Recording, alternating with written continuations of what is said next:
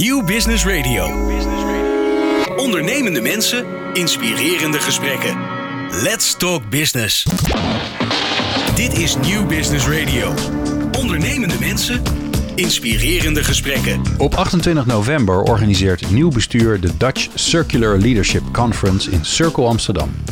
In aanloop daar naartoe maken wij een reeks podcasts met leiders die ons meenemen in hun inzichten en ervaringen omtrent circulair leiderschap. In deze special zijn we te gast op Springtij, het jaarlijks duurzaamheidsforum op Terschelling, waar de gevestigde orde, Klaas van Egmond, hoogleraar aan de Universiteit van Utrecht en oprichter van de Sustainable Finance Lab, het gesprek aangaat met een leider van de toekomst, Maarten Labots, voorzitter van de Jonge Klimaatbeweging. Tijdens het gesprek komen er drie belangrijke vragen aan bod. Vraag 1. Als economische groei en winstmaximalisatie geen leidend principe meer is, wat dan wel? Vraag 2. En als we niet gescheiden zijn van elkaar, maar verbonden, hoe creëren wij dan een maatschappij waar iedereen haar of zijn plek kan innemen? En wat vraagt dat van ons leiderschap? En vraag 3. Zijn circulaire leiders er niet omdat zij binnen het huidige systeem geen kans hebben? Of houdt het systeem stand omdat wij geen circulaire leiders aan de top hebben? In deze podcast gaan Maarten Labots en Klaas van Egmond in gesprek onder leiding van Mildred Hofkes, initiatiefnemer, nieuw bestuur, Dutch Circular Leadership. Twee perspectieven. Die van de gevestigde orde en die van de toekomst. Gaan zij elkaar vinden in het midden? Nieuw Business Radio. Ondernemende mensen, inspirerende gesprekken. Let's talk business. Goedemiddag. Um, Maarten Labots, voorzitter van de Jonge Klimaatvereniging. Of uh, beweging, sorry. En uh, Klaas van Egmond, emeritus hoogleraar. En ook uh, een van de oprichters van de Sustainable Finance Lab. En je doet nog heel veel meer, maar dan gaan we het straks, ongetwijfeld komt dat voorbij. Vandaag zijn we hier bij elkaar op Springtij. Uh, Springtij is een groot forum, of een, een, een duurzaamheidsforum, wat uh, één keer per jaar wordt gehouden op Terschelling. En we zijn eigenlijk al drie dagen verder, dus we hebben al een hoop gehoord en besproken met elkaar. En vandaag gaan wij, ga ik samen met deze twee heren uh, ons voorbereiden ook op onze eigen conferentie. Die gaat plaatsvinden op 28 november over circulair leiderschap. En de positie die Nederland daarin kan innemen, ook wereldwijd. Maar zover zijn we nog niet. We gaan eerst eens even hier ter plekke nadenken over de drie belangrijkste mythes die we op de conferentie over circulair leiderschap um, willen kraken. Uh, Maarten vroeg mij net, wat versta je onder circulair leiderschap? En ik heb hem geprobeerd dat uit te leggen aan de hand van uh, het lineaire leiderschap wat we nu kennen. Dat eigenlijk de aarde het lastig maakt, hè, of de aarde sloopt, als je het zo wil zeggen. En circulair leiderschap is eigenlijk het leiderschap wat de aarde en de leefomgeving helpt. En ons allemaal helpt. Dus eigenlijk zijn dat de twee smaken waar we het dan in feite over hebben, om het maar even heel plat te slaan. Um, we hebben drie uh, mythes die we willen bespreken in deze podcast. Um, de eerste mythe waar ik het met jullie over wil hebben. Um, en dan kunnen jullie meteen ook aanhaken met hoe je daar zelf vanuit je eigen perspectief als, uh, uh, ik ga jou geen jongere noemen, had ik al gezegd, maar future leader. Hè? Wij zetten jou op een positie van de toekomst, de stem van de toekomst, Maarten. En aan de andere kant Klaas van Egmond, die een hoop wijsheid in zich draagt over het hier en nu en het huidige uh, systeem waarin we zitten.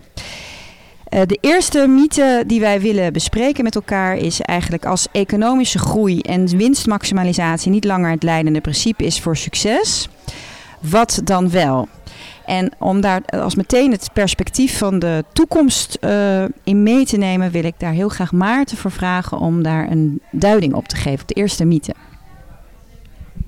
Um, nou, dat is ook meteen al een hele moeilijke mythe. Um, ik denk dat dit heel erg met zich meebrengt de, de systeemverandering waar we naartoe moeten. In, het, in mijn visie, of in onze visie, is het huidige uh, systeem wordt gekenmerkt door dat we steeds meer economische groei willen. Dat onze waarden bepaald worden door uh, het meer hebben, het groeien. Het, het, of dat nou geld of status of spullen zijn.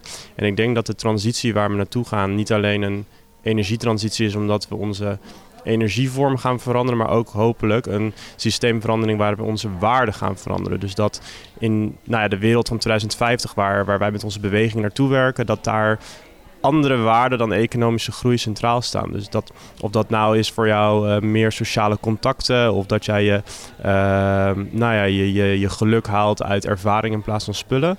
Ik denk dat dat een soort van wat filosofische achtergrond is bij, de, bij het doorprikken van deze mythe. Is wat vormt nou de kern van onze waardebepaling in 2050? Um, ehm, en waarin verschilt dat van 2019, waarbij ik denk dat groei en meer welvaart in de financiële zin nu dominant zijn. En Maarten, als je het hebt over de, het perspectief van de toekomst, hè, dus jouw generatie, hoe oud ben jij? Uh, 27. Oké, dus laten we vanuit dat perspectief eens met jou meekijken. Hoe, wat voor is deze waarde, de, de wereld die jij zo schetst voor ons, is die voor jouw generatie heel natuurlijk? Um, nou, dat is, dat is eigenlijk ook wel. Laat ik niet generaliseren, want er zit ook, ook heel, heel veel diversiteit binnen onze generatie hoor. Uh, ik denk dat een groot deel van onze generatie uh, zich ook nog de, de, zijn waarde en zijn, zijn geluk laat bepalen door de dingen die ik net noemde. Maar je ziet ook wel echt een, een opkomst uh, van, van, van een generatie die, die uit andere meestal immateriële dingen hun, geluk haalt. Um, en wat ik zelf zie in mijn generatie, wat ik mooi vind, is dat er toch ook veel aandacht is voor delen van spullen in plaats van het zelf bezitten. Um, en een heel goed voorbeeld is bijvoorbeeld mobiliteit. Als ik in mijn eigen, nou, laat ik maar even de groene bubbel noem, uh, zie ik dat, dat, dat, dat mensen van mijn leeftijd, die, die waar ze misschien in, eerder een uh, auto zouden kopen, toch nu eerder gaan voor delen van nou ja, deeleconomie, deelauto. Um, maar nogmaals, dat is ook wel, um, laat ik niet generaliseren. Want er is zoveel diversiteit binnen ook onze generatie. Hoor. En, leer jij hier iets van in jouw, heb jij hier iets van in jouw onderwijs uh, genoten? Zeg maar, heb je iets gehoord of hierover over circulaire economie en deel, deeleconomie? Is dat al meegenomen in het curriculum van jouw opleidingen?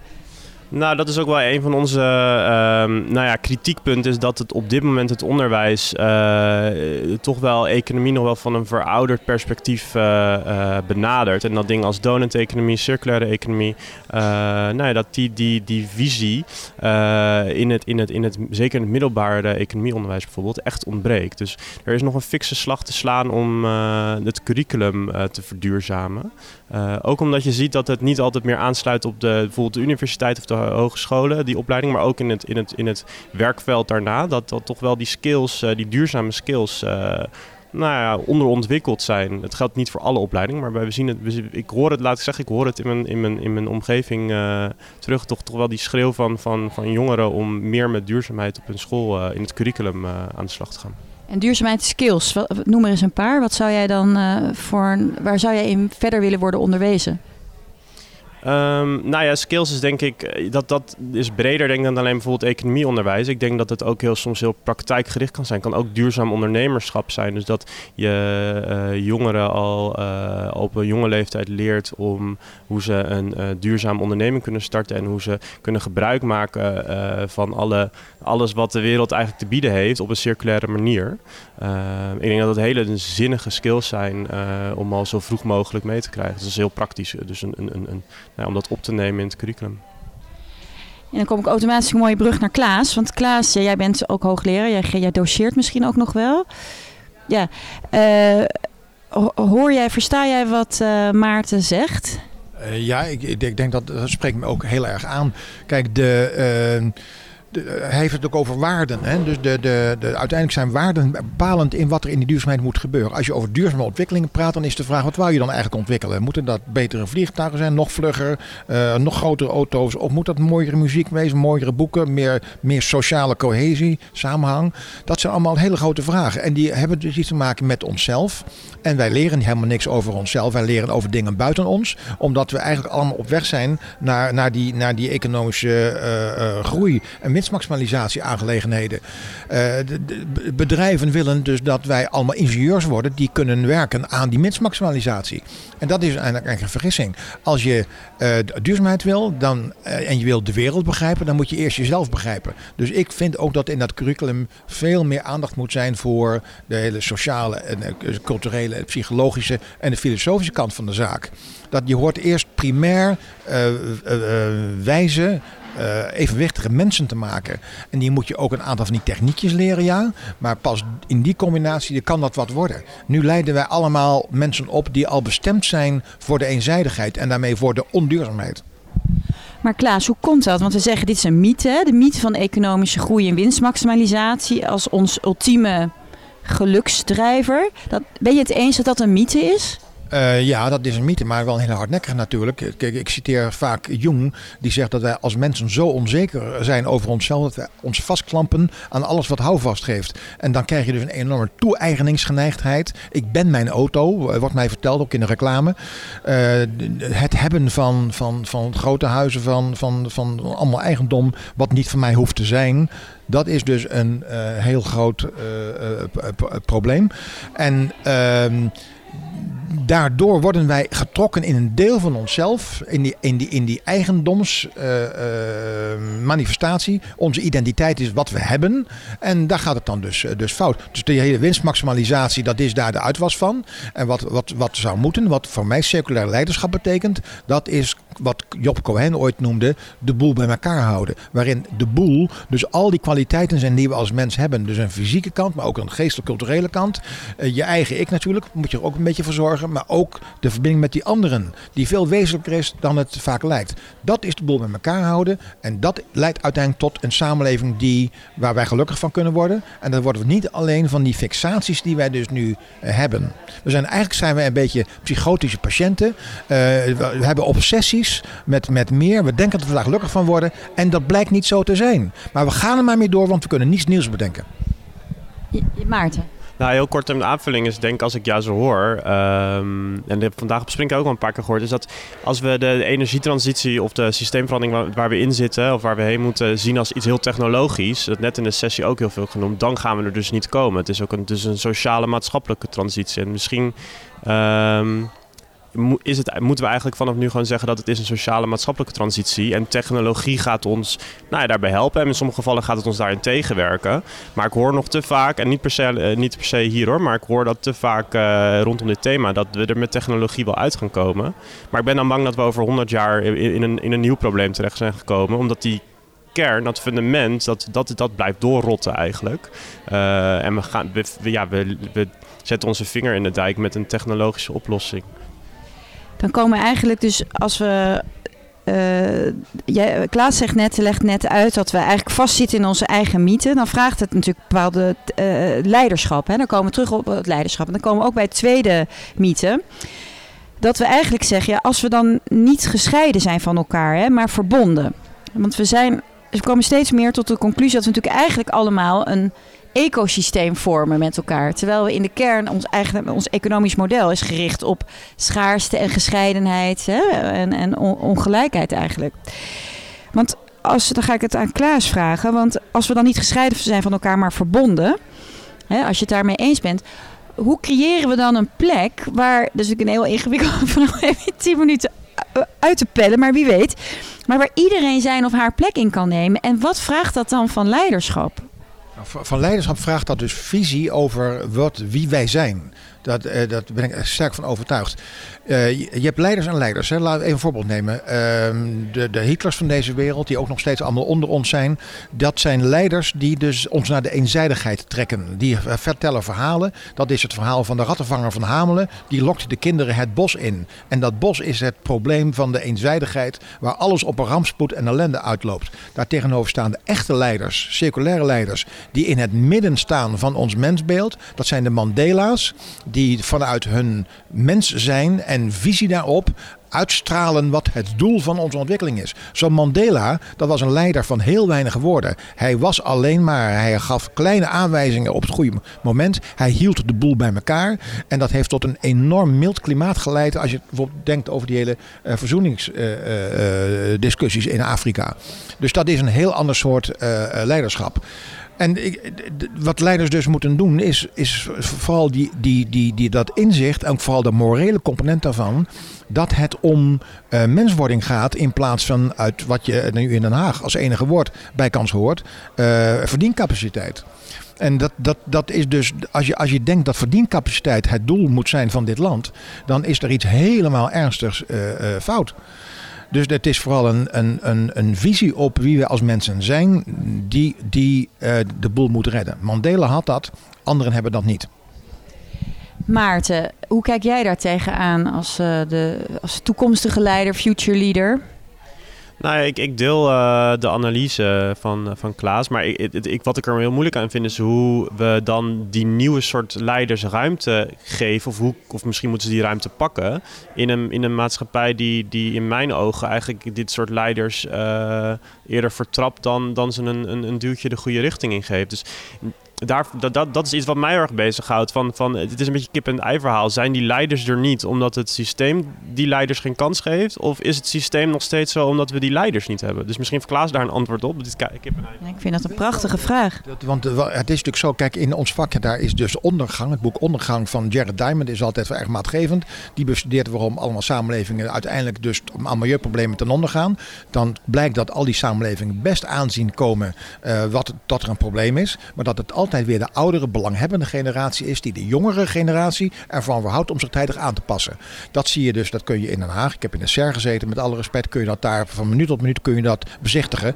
Uh, dat, is, dus, dat is één uh, uh, van de problemen. Het tweede punt is dat daar in die behoudzucht die daar zit, dat, dat is ook een erg masculine kant die de afgelopen honderden jaren onze cultuur gedomineerd.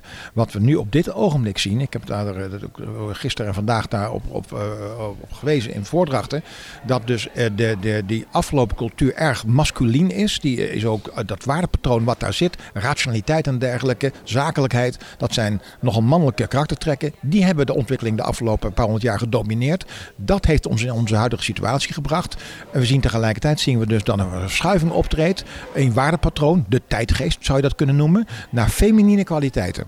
En als je dan, uh, dat, uh, in theorie komt dat zo naar boven toe. Als je naar buiten kijkt in de samenleving, dan zie je dat ook. Dan zie je, ga eens naar een ziekenhuis. Allemaal vrouwelijke specialisten, vrouwelijke leiding. Bij ons in de universiteit tot twee jaar geleden, nu even niet meer, maar goed. Uh, allemaal vrouwen als voorzitter van college van bestuur.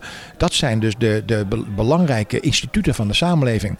Dat je het bij banken dat er niet doorkrijgt, dat komt omdat dat dus de, laatste bolwerken zijn van de oude wereld. Dus ik ben uiteindelijk met veel collega's bij de koffieautomaat uh, uiteindelijk dan toch heel optimistisch. Dat, dat er een heleboel dingen niet zullen werken, maar dat dus die doorgaande feminisering van de samenleving. Uh, grotere rol voor vrouwen en voor mannen met wat meer vrouwelijke uh, kwaliteiten. Dat die de boel gaat redden. Oké, Klaas, maar dan komen we meteen op een interessant punt. Jij hebt ervaring met SER, een overlegorgaan. Maarten heeft ook ervaring vanuit klimaattafelbijeenkomsten.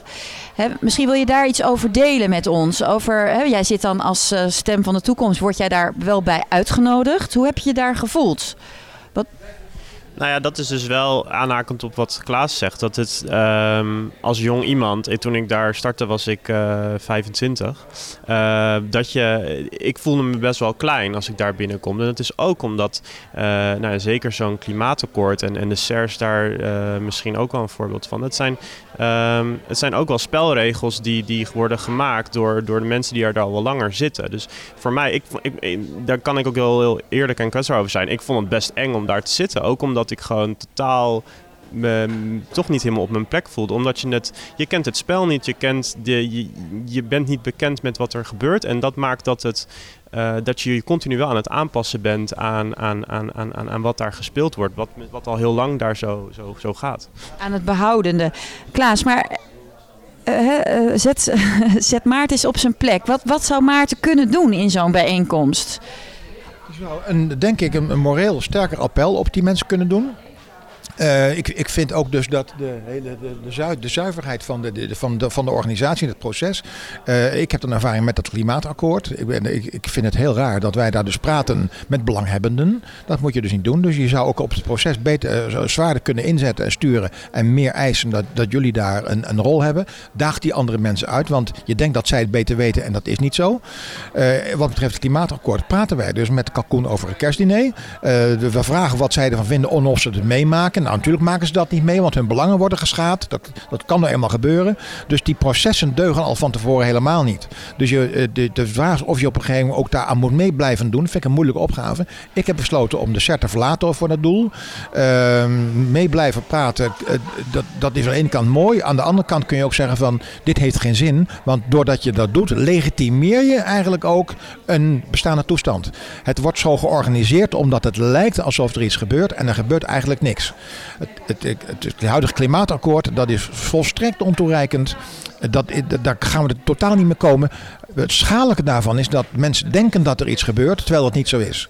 Dus het is altijd een kwestie van een moeilijk, probleem van meedoen of, uh, of toch met enig lawaai uh, opstappen wanneer je vindt dat er geen recht wordt gedaan aan de werkelijke verhoudingen die nu aan de orde zijn. Nou, wil je daar nog op reageren, Maarten? Had je moeten opstaan en weglopen? Nou ja, dat, dat is eigenlijk ook wel een, beetje een duivels dilemma. Wat, je, wat, je, wat niet alleen voor jongeren geldt, maar denk voor elke groep in de samenleving die, die ondervertegenwoordigd is bij besluitvorming. Doe ik, doe ik mee of uh, doe ik juist expres niet mee?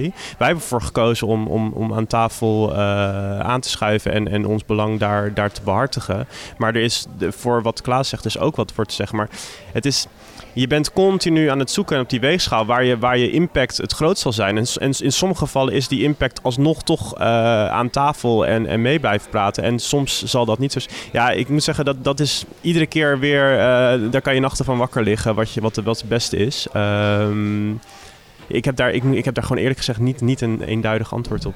Nou ja, het moeilijke is eigenlijk als je bedenkt, als we vanuit een ecosysteem denken, zou je denken, dus als je op zo'n klimaattafel zit, dan ben je eigenlijk verbonden al met elkaar. Hè? Als, als mens.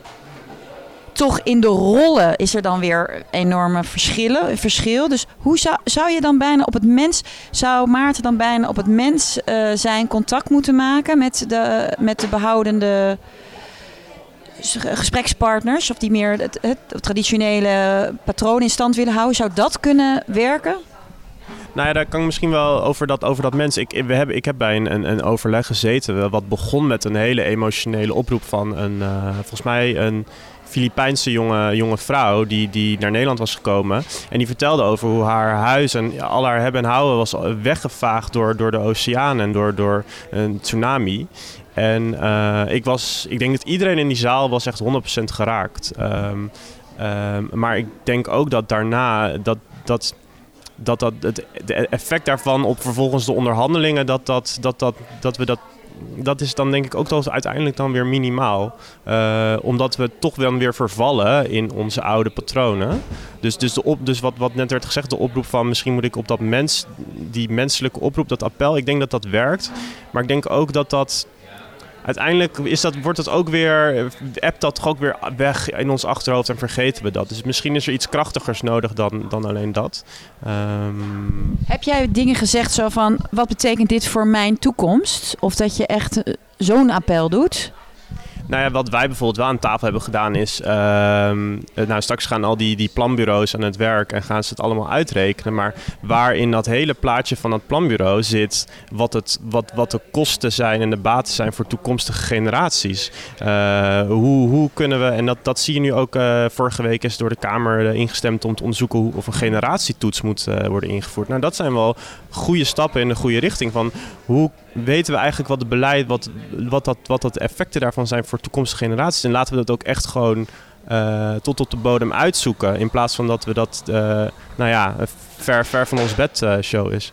Ja ik denk dat je ook zou kunnen wijzen dat dus een heleboel van dit soort dingen dus niet geen kosten-batenanalyse-achtige discussie zijn. Wat er wel van, wordt gemaakt. Het idee, wat ook op deze conferentie trouwens voortdurend als een spookse kop opsteekt, is dat alles kan gewoon doorgaan. Als we dat gewoon technologisch maar even voor elkaar maken. Alsof je de loodgieter belt, het dak lekt, even bellen, repareren. Dat is dus niet zo. Het gaat om hele fundamentele waarden ik denk dat het heel sterk is als jij en jullie, jouw generatie die mensen daarop aanspreekt. Het doet me even denken, ik heb jarenlang met prinses Irene in het natuurcollege gezeten. En wij waren ook bezig, de eh, afgelopen tijd zijn we daarmee uh, het overdragen naar, naar de Wageningen Universiteit. Hebben we dus op allerlei maatschappelijke vlakken gewerkt. Heeft zij ook gewerkt. En zij sprak dus allemaal, alle maatschappelijke actoren, ondernemers en alles aan op hun morele verantwoordelijkheid. En ik heb gezien, nou is natuurlijk wel iemand met een, een, een hoge eh, maatschappelijke status, maar hoeveel impact dat heeft wanneer je dus, uh, uh, daar was hij heel erg sterk in, wanneer je vanuit je eigen authenticiteit, 100% op voeten op de vloer, die mensen aanspreekt op hun morele kompas dat is toch echt uh, wonderbaarlijk. En jullie hebben door je leeftijd ook die autoriteit om dus dat te doen. Dat zie je aan die Greta Thunberg. Daar, daar kan men wel iets van vinden. En dat de PP uh, weg te moffelen als zijnde hysterisch of een jong meisje die het niet begrijpt. Het komt keihard komt het binnen. Dus het morele appel, dat is sterker, denk ik, dan jij vreest. Nou, misschien vreest dan jij weet. Heb je het goed gehoord? Versta je wat uh, Klaas zegt? Wat hoor je hem zeggen? Nou ja, ik, ik hoor je eigenlijk misschien wat je aangeeft is dat ik, uh, dat ik of we uh, onderschatten wat de impact is van als we, als we dit uitspreken. Um, en dat is iets, dat moet ik zeggen, dat, is ook, dat ligt dan ook bij mij. Ik, heb dat, ik, heb dat, ik, heb, ik breng me nu dat ik dat eerder heb gehoord. Dat, dat, ik, dat wordt gezegd, jullie onderschatten echt hoe grote macht en kracht er vanuit jullie generatie schuil gaat. En dat is wel iets waar ik, dat ik wel echt mee wil nemen. Um, dat ik, um, nou ja, dat, dat moet eigenlijk gewoon bijna op mijn voorhoofd staan. Dat dat mijn kracht is. Nou, dat is, dat is al een hele mooie doorbreken van mythe, van mythe 2, zeg maar. Dan gaan we naar mythe 3, hè. Want we hebben in onze een aantal ambassadeurs, onder andere ook Arnold Boot, die ken je natuurlijk van de Sustainable Finance Lab, maar ook um, uh, uh, Jan-Peter Balken en, en uh, Fijke Siebesma. En Fijke Siebesma heeft in een oproep ook op een gegeven moment bijna, bijna een emotioneel appel gedaan. Want met, met een soort uitroep, want niemand heeft de power om dit alleen te doen. Dus een transitie die we nodig hebben, waar we nu over spreken, om die in gang te brengen, zullen we dat met elkaar moeten doen. Dus niet alleen het bedrijfsleven overheid, maar eigenlijk ieder, ieder voor zich. Of, uh, uh, en wij met z'n allen. Um, de vraag is natuurlijk hoe we die betekenisvolle netwerken creëren. Want we komen uit een tijd dat alles eigenlijk gescheiden is.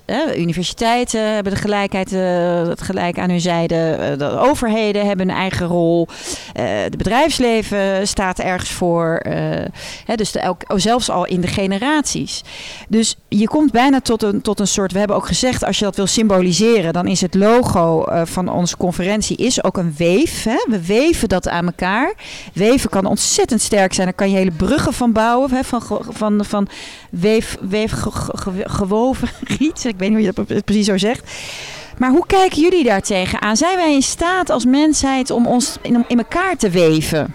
Klaas? Ja, ik denk dat, er, dat het, het probleem daarin zit dat we dus, eh, je, je noemt het ook zo, we moeten dat netwerk versterken. In mijn woord, de, samenhang vergroten. Dat is best inderdaad heel erg moeilijk. Hoe komt dat? Omdat er dus van die middelpuntvliedende krachten zijn die de samenhang juist verzwakken, die dat tegengaan. Even heel concreet worden, we hadden het al eventjes over Paul Polman van Unilever en Fijke Siebesma. Dat zijn onze helden, eerlijk gezegd. Die hebben dus die verantwoordelijkheid genomen. En bij de Polman-casus zagen we dus vervolgens dat die aandeelhouders, die zeiden, neem meneer Polman, wij gaan niet doen wat u, wat u, wat u verantwoordelijkheid u ingeeft. Wij gaan nu cashen. Wij zijn namelijk aandeelhouder en willen dividend hebben. Dus er zijn krachten aan het werk die die samenhang, die dus die Polman en die Fijke Siebesma en dat soort mensen willen zoeken, oprecht authentiek willen zoeken, denk ik, die wordt gefrustreerd door een systematiek en een eigendomsconstructie uh, in onze samenleving, die dat gewoon totaal versteert, onmogelijk maakt.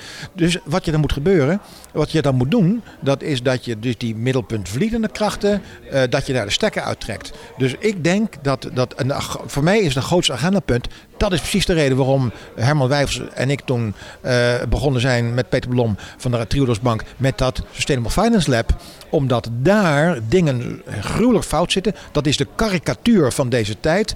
Daar moet de stekker echt uit. Dat klinkt hard, maar dat is ook zo. Die banken kunnen trouwens op een hele andere manier uitstekend voortbestaan. Maar er moeten een aantal dingen zeer wezenlijk veranderen die aandeelhouders, eigendomsverhoudingen, die deugen helemaal niet.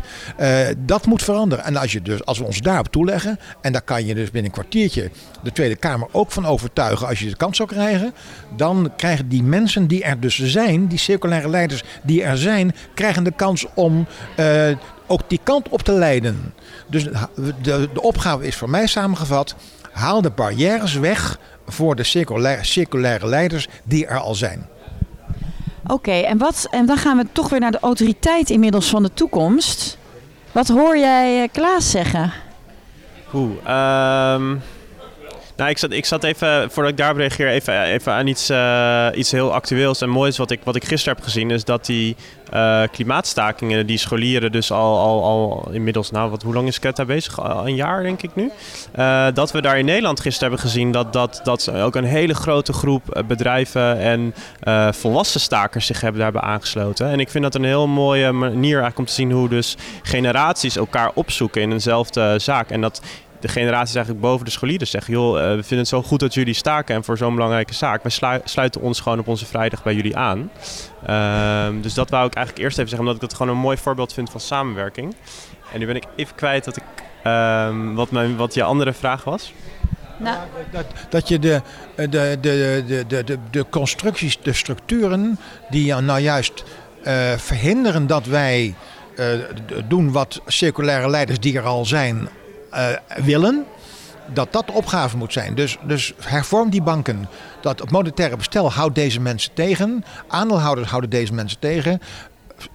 Agendeert aandeelhouders eigendomsvraagstuk. Al die andere toestanden kan je even wegdoen. Uh, de hele, de het geldschepping door banken. De motor achter het onduurzaamheidsvraagstuk. Dat op de agenda zetten. Dus het agenderen van de kern van de zaak. Die die, want die mensen die het, het goede willen, uh, zo optimistisch ben ik ook nog wel, die zijn er al. Dus eigenlijk zijn er een paar grote blokkades die, die, als we die aanpakken, dan gaat het stromen en dan kunnen we pas echt aan de slag.